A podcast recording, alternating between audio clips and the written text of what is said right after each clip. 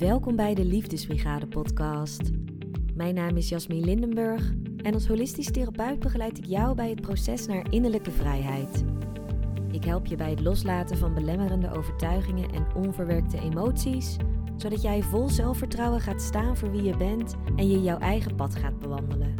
Hier vind je inspirerende inzichten, wijze lessen en praktische tips voor een diepe hartsverbinding met jezelf en met anderen. Want echt leven is verbinding en verbinding is liefde. Luister je mee? Dit is alweer de derde aflevering van de reeks van vijf solo-afleveringen over verbindende communicatie. En zoals je in de titel van deze aflevering hebt kunnen zien, ga ik een hele aflevering wijden aan empathie. Nou, waarom doe ik dat? Omdat empathie je kunnen inleven in de gedachten en in de emoties van de ander je dus kunnen inleven in de belevingswereld van de ander, ontzettend belangrijk is bij verbindende communicatie. En na deze aflevering weet je dan ook welke vormen van empathie er zijn, waarom het zo belangrijk is om dit toe te passen, wat het je dan uiteindelijk oplevert en hoe je dat kan doen, hoe je dat in de praktijk in het dagelijks leven kunt toepassen. En als je deze aflevering luistert, dan kan het zijn dat je binnen een van de volgende twee categorieën valt. Of je bent iemand die zichzelf niet heel erg beschouwt als empathisch en je zou dat meer willen worden, je zou dat meer willen zijn. Of je vindt jezelf al wel empathisch en misschien krijg je dat ook al wel terug van anderen. En je wil meer ontdekken over de helende kracht die empathie heeft. Nou, dan heb ik voor jullie allebei goed nieuws, want in deze aflevering zal ik die dingen gaan behandelen die voor jullie beiden dan interessant zijn. En om empathie te introduceren, neem ik je even mee terug naar 2015, waar ik in Zuid-Korea, dat is het land waar ik geboren ben, in een bioscoop de film Inside Out zag. Mocht je hem nog niet gezien hebben, dan raad ik je zeker aan om deze film te kijken. Het is een Pixar-film, echt een ontzettend mooie, waarin wij als kijker een kijkje krijgen in het hoofd van de 11-jarige hoofdpersoon. En we kunnen dan zien hoe haar bovenkamer, dus haar bovenkamer, wordt bestuurd door verschillende emoties. En in de kern van deze verhaallijn heeft empathie de grootste rol. En ik weet nog wel dat ik in die donkere bioscoopzaal zat te kijken naar deze geanimeerde film en dat op een gegeven moment mijn ogen echt werden gevuld met tranen. De film bracht bepaalde herinneringen van mijn kinderjaren naar boven waarin ik me alleen en echt onbegrepen voelde. Mijn ouders hebben er altijd alles aan gedaan om mij en mijn broertje in liefde op te voeden binnen de kennis en kunde die zij hadden. Maar op empathisch vlak voelde ik als jong kind al een groot tekort. Ik miste een omgeving die over de vaardigheden beschikte om werkelijke empathie te tonen werkelijk ruimte te geven aan datgene wat er in je leeft, zonder het te rationaliseren, zonder het te willen veranderen of zonder het te willen oplossen. Empathie is dus geen kwestie van een letterlijke of een symbolische pleister ergens opplakken en dan maar weer doorgaan. Empathie houdt in dat je ruimte geeft aan wat er bij de ander speelt en ruimte geeft aan wat er in de ander leeft. Het is de vaardigheid om je in te leven in de belevingswereld van een ander en om jezelf op zo'n manier te uiten dat de ander zich door jou gesteund voelt. En dit levert je vervolgens verdiepende relaties op. En dus een echte connectie van hart tot hart. Om empathie beter te snappen is het goed om te benoemen dat je empathie kunt onderverdelen in cognitieve en in affectieve empathie. Bij cognitieve empathie gaat het erom dat je het perspectief van de ander en de mentale staat van die ander kunt begrijpen. De cognities van die ander, het denkproces dus. En bij affectieve empathie gaat het om het affectieve aspect, de gevoelswereld.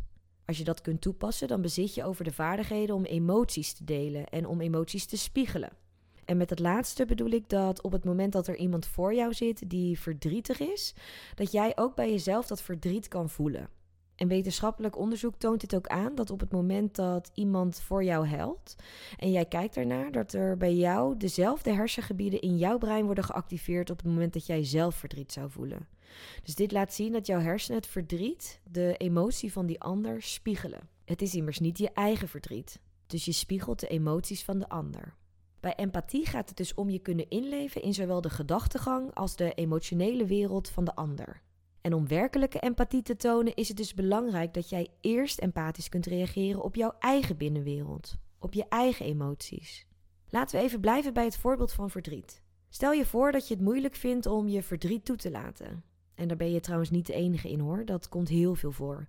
Heel veel mensen hebben niet geleerd om echt met verdriet te kunnen zijn, waardoor ze niet goed weten hoe ze hun eigen verdriet kunnen dragen, hoe ze met hun eigen verdriet kunnen omgaan. En dan wordt het dus ook heel lastig om je in te leven in de emotionele wereld van de ander. Om te kunnen zijn met het verdriet van de ander. Want als je niet met je eigen verdriet kunt zijn, hoe kun je dan echt zijn met het verdriet van die ander?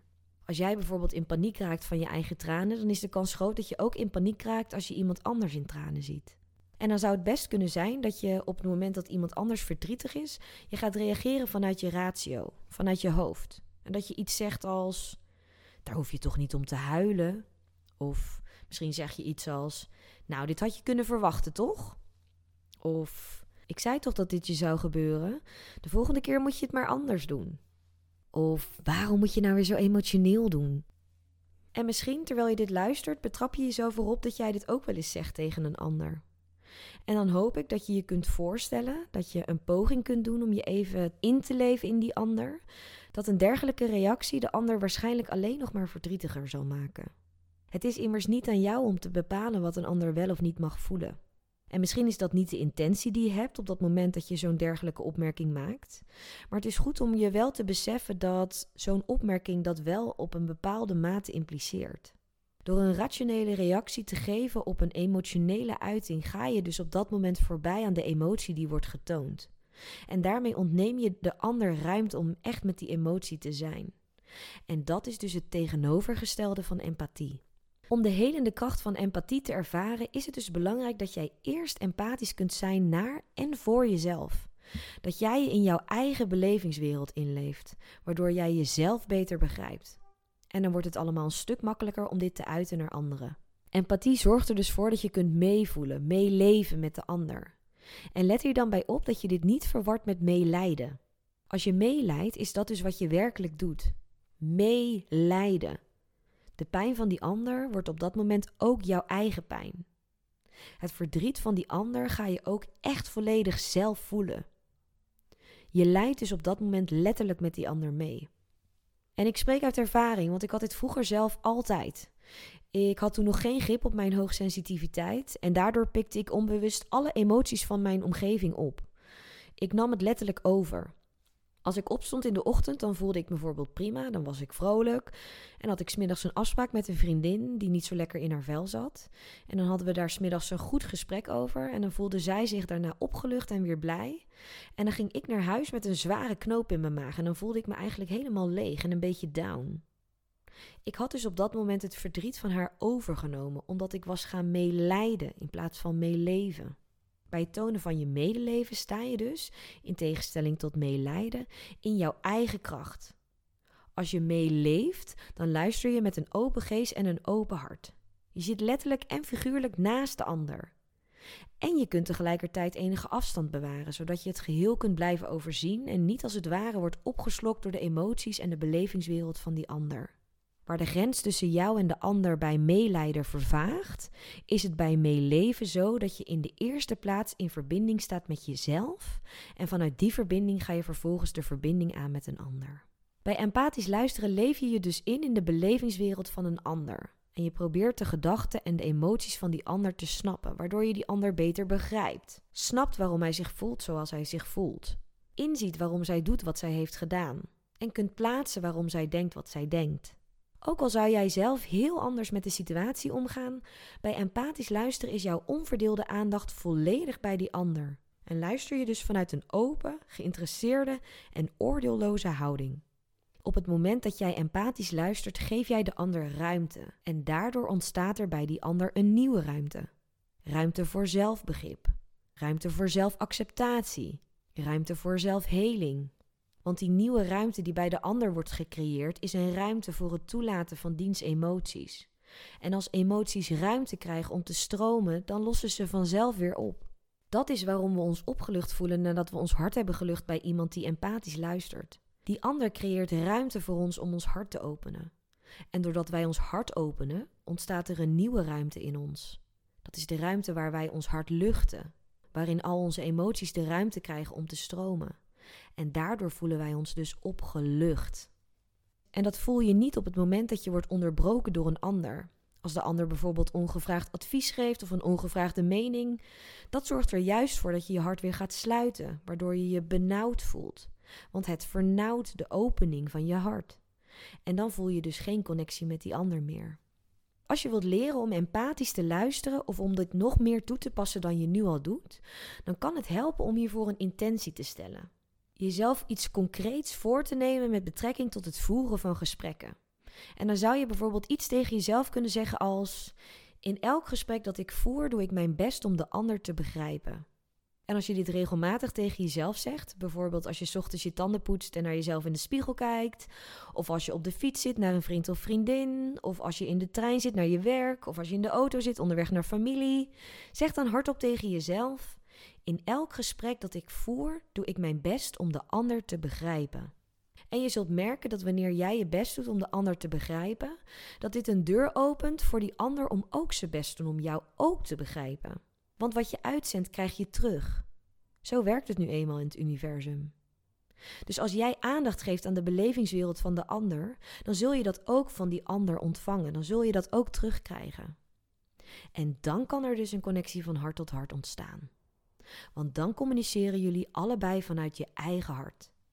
Open, aandachtig, nieuwsgierig, oprecht geïnteresseerd en oordeelloos.